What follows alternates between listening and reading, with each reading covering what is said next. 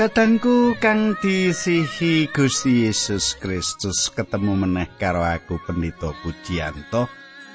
Kepiye kabare panjenengan? Tak tungake panjenengan tinebihna ing sambekala lan antuk tentrem rahayu ana ing urip panjenengan kabeh. Kadangku aku bakal bebarengan karo panjenengan ing sawetara wektu iki ana ing adicara margi utami. Adicara kang wis dadi kelangenan panjenengan lan tansah panjenengan anti-anti. Nah, katangku monggo pinarak kang seketo sugeng midhangetake adicara iki.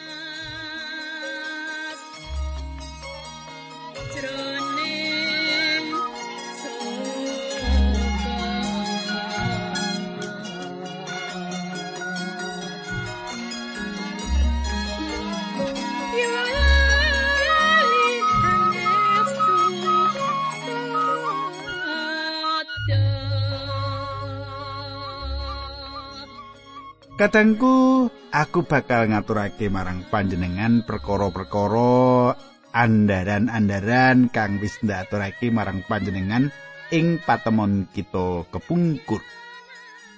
Ing patemon kang kepungkur kadangku kita wis nyemak Thomas kang ora percaya marang bungune Gusti Yesus tundone dadi percaya nalika Gusti Yesus ngati-ngali marang dheweke lan para murid kang liyani.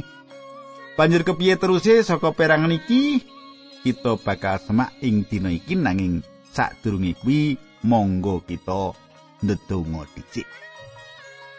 Duh Kanjeng Rama ingkang ada dampar wonten kraton ing kasuwargan. Kawula ngaturaken kuing panuwun menawi wekdal menika kawula saged tetunggilan kalian sederek-sederek kawula lan badhe sinau kayektosan saking pangandikan paduka. Kawula nyuwun supados Gusti berkahi, Gusti mitulungi lan Gusti nuntuni kanthi makaten kawula kalian sedherek kawula menika pikantuk berkah saking pangandikan patuko. Linambaran asmanipun Gusti kawula Yesus Kristus kawula ndedonga haleluya amin.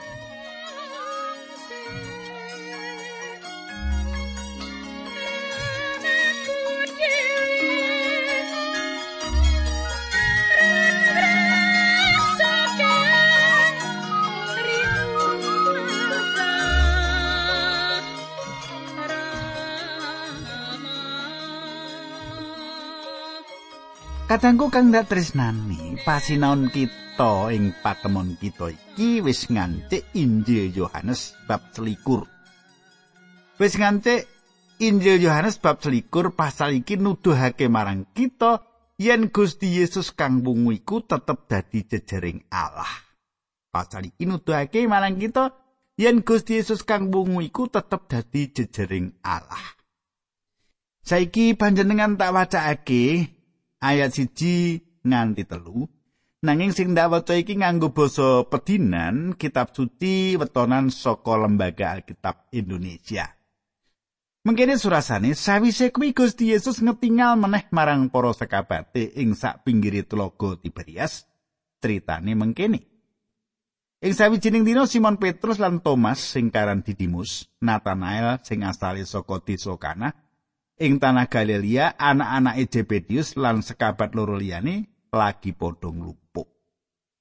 Simon Petrus nuli kondo marang kanca-kanca liyane mau, "Aku arep njolo, aku melu." Kandhane para sekabat-sekabat liyane marang Petrus. Para sekabat mau nuli padha lunga nunggang prau menyang tengah telaga nanging sewengi muput para sekabat mau ora oleh iwak siji-siji. Katangku kang disi Gusti Yesus. Para murid iki ana ing Galilea awit pancen Gusti Yesus kang paring dawuh marang para murid mau. Nalika iku para murid golek iwak sewengi muput nanging ora entuk apa-apa. Sak beneri. Para murid mengerti piye cara ame iwak awit ya mengkono kuwi kang dadi pangupa jiwani. Dadi para murid kuwi pangupa jiwani golek iwak. Perkara ame iwak ki sawijining perkara kang wis dadi pengalamane. Nanging bengi kuwi pancen wis dirancang dening Allah yen wong-wong mau bakal ora oleh apa-apa anggone golek iwak. Ayat papat.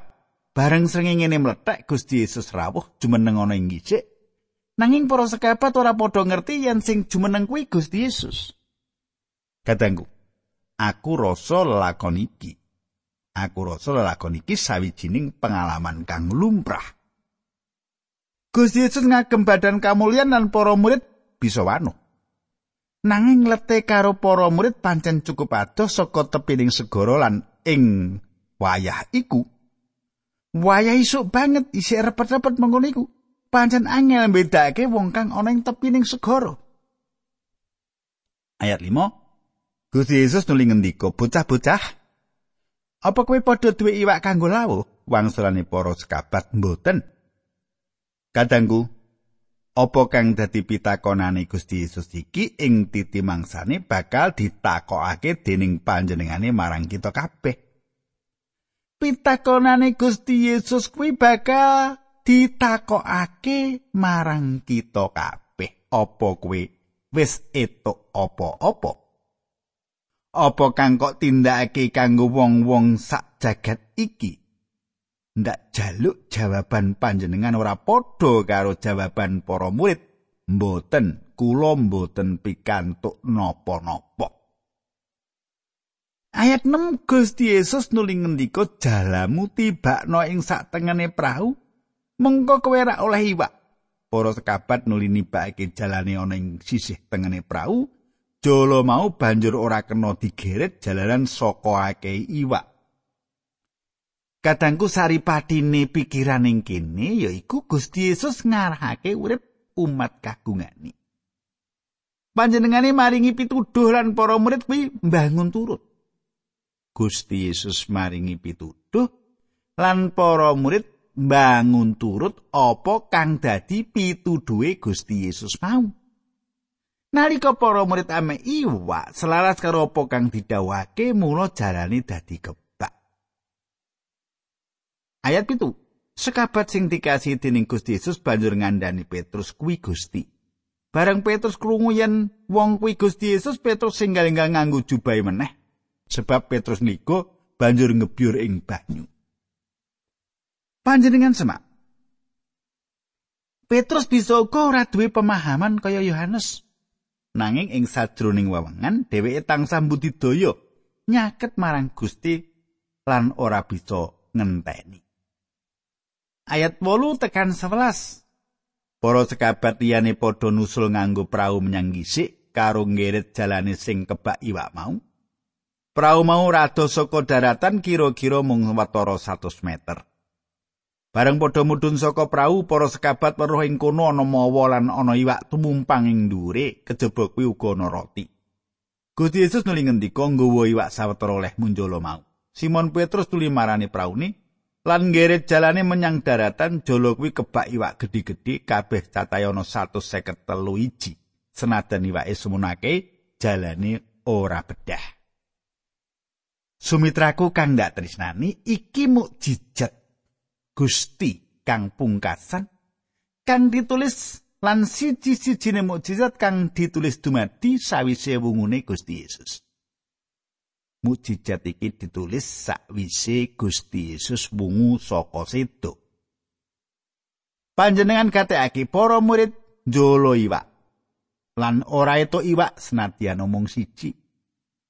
Banjur Gusti Yesus maringi para murid panen iwak kang akeh banget. Apa wae kang ana ing tangane panjenengan? Apa wae kang ana tangane panjenengan Gusti Allah bisa nggunakake. Gusti Yesus uga njaluk sawetara iwak mau. Gusti Yesus nampani ladi kang para murid tindakake. Nalika para murid jolo iwak selaras kang dadi dawuhe, Gusti Yesus nampa apa kang para murid gawa. Ing wektu liyane Petrus itu iwak akeh banget setara ngumunake. Kang ditulis ing Injil Lukas, iku dumadi nalika wiwitan peladosan Gusti Yesus. Lan panjenengane nimbali Petrus supaya dadi tukang jolo manungsa. Nalika iku jalane Petrus suwek lan akeh iwak kang metu saka jala suwek mau, nanging saiki jalane ora suwek meneh lan bisa digeret menyang daratan. Jalane kuwi kebak karo iwak gedhi-gedhi. Petrus bakal ditimbali kanggo menehi mangan. Marang minda-mindani Gusti, karo apa? Karo pangantikane Allah. Karo Injil Sang Kristus kang wis wungu lan dimulyakake. Injil iki ora mung bakal nyelametake, nanging uga bakal ngreksa. Gusti Yesus Kristus kagungan tujuan kanggo umat kagungani panjenengane ngersakake ngarahake urip kita. Menawa kita bangun turut, panjenengane bakal berkahi lan duwe patunggilan kang indah karo kita. Saiki ayat 13 nganti teko 14. Gusti Yesus ngendika marang para sekabat, "Mrenio, padha sarapan."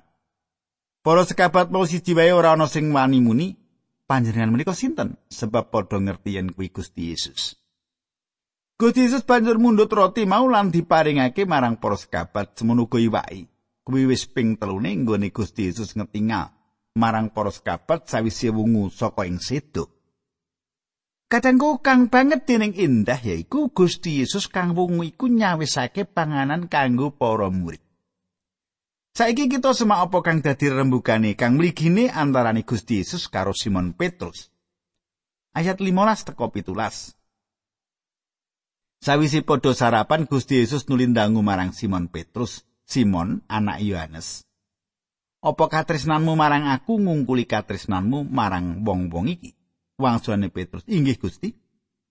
Gusti perso kawula tresno dhateng panjenengan. Pangandikane Gusti Yesus, "Tempe-tempeku padha ngonen." Gusti Yesus ndangu sing kaping pino Simon anak Yohanes, "Apa kowe tresno karo aku?" Pangsulane Petrus, "Inggih Gusti." Panjenengan perso bilih kawula tresno dateng panjenengan, dawuh Gusti Yesus. Pedus-pedusku padha ngonen. Gusti Yesus ndangu meneh marang Petrus sing ping telune Simon anak Yohanes, "Apa kowe tresno karo aku?" Petrus dadi sedih sebab Gusti Yesus ndangu dhewe nganti ping telu, "Apa kowe tresno karo aku?" Petrus banjur matur meneh, "Gusti, panjenengan perso samu kawis." Gusti nggih pirsa bilih kawula tresno dhateng panjenengan. Gusti Yesus nuni ngendika, wedhus-wedhusku padha ngono. Katanggu. Katresnan marang Sang Juru Slamet yaiku syarat utama ing sakjroning lelati. Kaping telu Gusti mundhut pirsa marang Simon Petrus lan kaping telu Gusti Yesus nampani tanggapan. Sebanjure kita nyemak kaping telu uga Gusti Yesus Kristus maringi Petrus apa kang dadi tugase. Kenapa kaping telu? Ana kang kondo awit Simon Petrus tau nyelaki Gusti Yesus nganti kaping telu lan saiki Gusti Yesus njaluk kategasane meneh nganti kaping telu. Ing telaga Galilea ing sak genen, sawise entuk iwak kang ngidap-idapi, Gusti Yesus mulihake meneh nggone nugasake menyang Petrus. Ing kene Gusti nyelehake Simon Petrus bali marang jalur nggone lalati gambaran urip kasukman kang banget dening indah. Katanggu senadyan ana mempere ing sadurunge pitakon-pitakonan iki nanging saben pitakonan iku beda-beda. Pirembukan kang kawitan Sawise padha sarapan Gusti Yesus nulindangu marang Simon Petrus, Simon anak Yohanes. Apa katresnan marang aku ngungkuli katresnan marang wong-wong iki? Wangsulane Petrus. Inggih Gusti. Gusti perso kawula tresno dhateng panjenengan pangandikane Gusti Yesus tempe-tempeku padha ngonen. Gusti Yesus nimbali Petrus kanthi jeneng Simon. Apa sebabe? Nalika sepisanan Gusti Yesus ketemu karo Petrus panjenengane ngendika, "Kowe Simon, anak Yohanes kowe bakal dijenengake Kefas lire Petrus." Lan jeneng kuwi nempel marang Petrus ana telu tembung ing sajroning basa Yunani kang dijarwakake ing sajroning siji tembung Indonesia yaiku katresnan utawa ing tembung basa Jawa yaiku katresnan. Tembung kang kapisan yaiku tembung eros. Ing sajroning gunakake tembung iku wong-wong kang ngremehake makna katresnan kang sabenere. Tembung iki ora tau digunakake ing sajroning pangandikane Allah. Kang sabanjure tembung pilia kang ateges pamitran. Tembung iki ana gegayutane karo sih katresnan lan rerasan ing sakjroning pasrawungane manungsa. Tembung kang kaping telu yaiku agape. Agape yaiku tembung kang dhuwur dhewe lan paling dihormati kanggo tembung katresnan. Tembung kuwi uga sawijining tembung kang asipat kealahan. Lirit tembung iki pancen digunakake kanggo nyethakake katresnane Allah. Gusti Yesus Kristus nggunakake tembung agape nalika panjenengane ngendika karo Simon Petrus. Kadangku duwe doktrin kang bener lan pengakon kang pas iku sawijining perkara kang banget dening indah. Nanging keselamatan gegayutan karo sesambungan katresnan. Menawa panjenengan ora tresnani Gusti Yesus, ora bakal ana sesambungan katresnan. Duwe doktrin kang bener lan pengakon kang pas iku sawijining perkara kang banget dening indah. Nanging paling indah keselamatan gegayutan karo sesambungan katresnan. Menawa panjenengan ora tresnani Gusti Yesus, ora bakal ana sesambungan katresnan. Katresnan yaiku tembung kang banget dening mulya. Siji Korintus 13 ayat 13 meratelake cekake telung perkara iki sing perlu ya kuwi percaya pengarep-arep lan katresnan nanging sing penting dhewe ing antarane telu kuwi katresnan. Ayo kita kegilut sawetara. Simon Petrus wis gagal ana ing pamirsani Gusti. Kanthi cetha Gusti sakbenere ora bakal meneh percaya marang dheweke nanging Gusti tresnani Petrus. kang ditangu Gusti Yesus ing kono yaiku apa kowe tresnani aku luwih saka wong-wong iki tresnani aku? Panjenengan gatekake jawaban Simon Petrus leres Gusti panjenengan perso bilih kula tresnani panjenengan? Ing kene Petrus ora wani nggunakake tembung agape nanging dheweke mung wani nggunakake tembung pilia Kenapa Petrus ora wani nggunakake tembung kang digunakake Gusti. Awit Petrus ora bisa meneh kang bisa mbombongake ati. Apa kang bakal ditindakake? Awit Petrus ora bisa meneh nindakake kang dadi bombonge ati.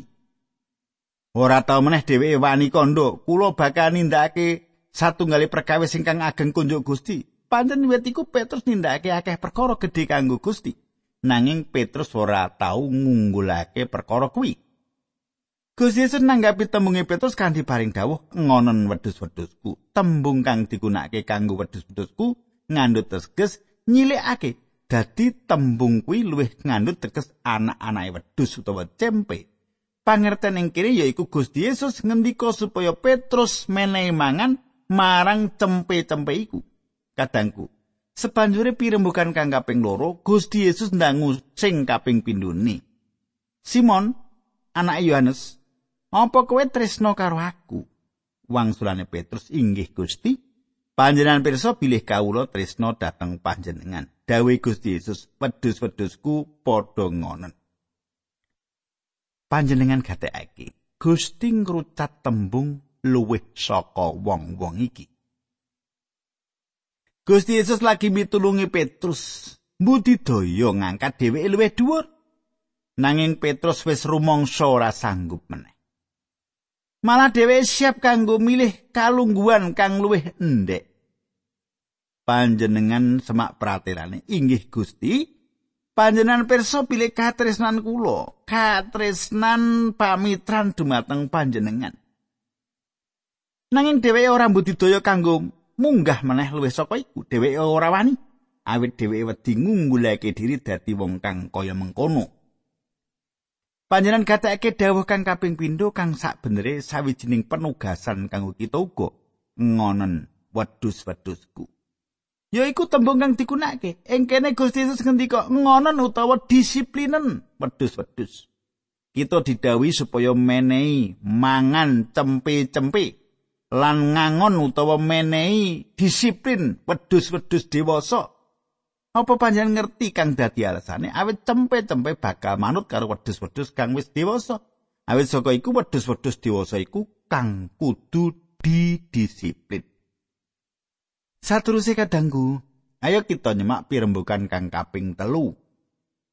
Sang Kristus saiki nggunakake tembung kang digunakake dening Petrus nalika panjenengane dangu. Simon anak Yohanes apa kowe duwe katresnan pamitran marang aku? Kang dijarwakake ing satuning kitab suci kita iki menehi keterangan perkara iku. Ora menehi keterangan perkara iku. Gusti mandhap lumebu ing tataraning Petrus salandesan pratelane lan Petrus dadi banget dening sedih. Petrus dadi sedih dudu awet Gusti ndangu nganti kaping telu kanthi pandangu kang padha. Nanging dheweke rumangsa sedih awet Gusti wis mandhap mlebu ing tataraning urip Petrus kanthi nggunakake tembung kang wis digunakake. Petrus isih durung siap munggah. Petrus mung bisa matur yen paling apik kang bisa ditindakake yaiku matur marang Gusti. Dheweke duwe katresnan pamitran iku lan Gusti pirsa derajat utawa tingkat katresnan kang dadi darbeke. Petrus ora bisa meneh ngunggulake awake dhewe awake dheweke mengerti banget yen Gusti pirsa atine. Tundone Gusti Yesus maringi dawuh kang kaping telu ngonen wedhus-wedhusku. Panjenengan persani wedhus-wedhus kang dewasa uga perlu diwenehi mangan. Pendadaran kang paling gedhe kanggo manungsa ing jaman iki yaiku apa kowe tresnani aku. Saiki ayat 18 nganti 19. Kowe ndak kandhani ing sak temeni. Nalika kowe isih nom kowe nganggo klambi dhewe lan lunga menyang endi wae sing kok karepake. Nanging semangsa wis tuwa, kowe bakal ngulungake tanganmu lan wong liya sing bakal nglambeni kowe lan nuntun kowe menyang panggonan sing ora kok karepake. Pangandikane Gusti Yesus sing mengkono mau nedahake bab nggone Petrus besok bakal mati kagem kaluhurane Gusti Allah. Sawise kuwi Gusti Yesus nuli ngendika marang Petrus, "Melu aku." Kadangku Gusti Yesus ngendika marang Petrus yen dheweke bakal dadi wong kang mati sahid. Petrus matur dheweke gelem masrahake uripe kanggo Gusti Yesus. Ayat 19 lan 20 sawise kuwi Gusti Yesus nuli ngendika marang Petrus melu aku. Bareng Petrus noleh, weruh sakabat sing dikasih dening Gusti Yesus uga melu. Kuwi sekabat sing linggih jejer karo Gusti Yesus nalika dahar lan nyuwun pirsa marang Gusti Yesus Gusti sinten ingkang badhe ngulungaken panjenengan Bareng Petrus weruh sekabat sing melu mau, Petrus tuli matur marang Gusti Yesus, "Gusti, kados pundi menggah tiyang menika?" Tembung-tembung iki nuduhake banget watake Petrus to. Ayat 23 23. Pangandikane Gusti Yesus saupama ndak kersake supaya wong kuwi urip nganti satekaku, kuwi rak dudu perkaramu. Nanging kowe melu aku. Mulane nulis dikabarake ora ing kalangane para sekabati Gusti Yesus yen sekabat kuwi mau ora bakal ngalami mati. Nanging satemene Gusti Yesus ora ngendika mengkono pangandikane satemene saupama ndak kersake. Supaya wong kuwi tetep urip nganti satekaku kuwi rak dudu perkaramu. Ayat palikur, iya sekabat sing ngetutake Petrus lan Gusti Yesus mau sing nekseni lan wis nulis bab iki kabeh lan kita padha weruh yen paseksine kuwi nyata. Kadangku ing kene kita nyemak sawijining prakara kang banget dening dudut ati. Anggone ora ngerti, anggone kurang kawruh, babar pisan dudu alasan kanggo ora leladi Gusti. Prakara kang paling penting yaiku kita nderek panjenengane. Gusti Yesus ora mratelake apa kang bakal dumadi atas Yohanes. Gusti Yesus mau ngendika senadyan yen panjenengane ngersakake Yohanes ora bakal tau mati. Perkara kuwi ora bakal dadi pengaruh apa-apa marang tanggung jawab Petrus kanggo nderek panjenengane. Iki kang kudu kita pahami. Gusti Yesus Kristus kudu dadi Gusti atas pikiran panjenengan. Ati panjenengan lan kekarepan panjenengan. Menawa panjenengan dudu Gusti atas sekabihe, mula panjenengane ora bisa dadi Gusti atas urip panjenengan. Ayat selawi isi akeh maneh perkara-perkara sing ditindakake dening Gusti Yesus. Saupama kabeh mau ditulis siji-siji ndak kira jagat iki ora amot kanggo madai buku-buku sing ditulis mau. Kadangku Yohanes ora ngluwih-ngluwihake nalika dhewe kandha yen jagat ora bakal cukup kanggo nampung buku-buku kegayutan panjenengane menawa kabeh ditulis. Nah katangku, kita wis mungkasi pasinan kita saka Injil Yohanes ing sadurunging patemon sebanjuri kita bakal sinau saka perjanjian lawas mligine saka kitab pangandaring Torat awit saka kuwi monggo panjenengan aja ngantek ngundur ra ngrungokake kita ndedonga dhisik Duh Kanjeng Rama ing swarga kawula ngaturaken kuing panuwun menawi wekdal menika kawula saged tetunggilan kalian sedherek kawula. Kawula matur nuwun pangandikanipun Gusti. Dinambaran asmanipun Gusti Yesus Kristus kawula tunggu. Haleluya. Amin.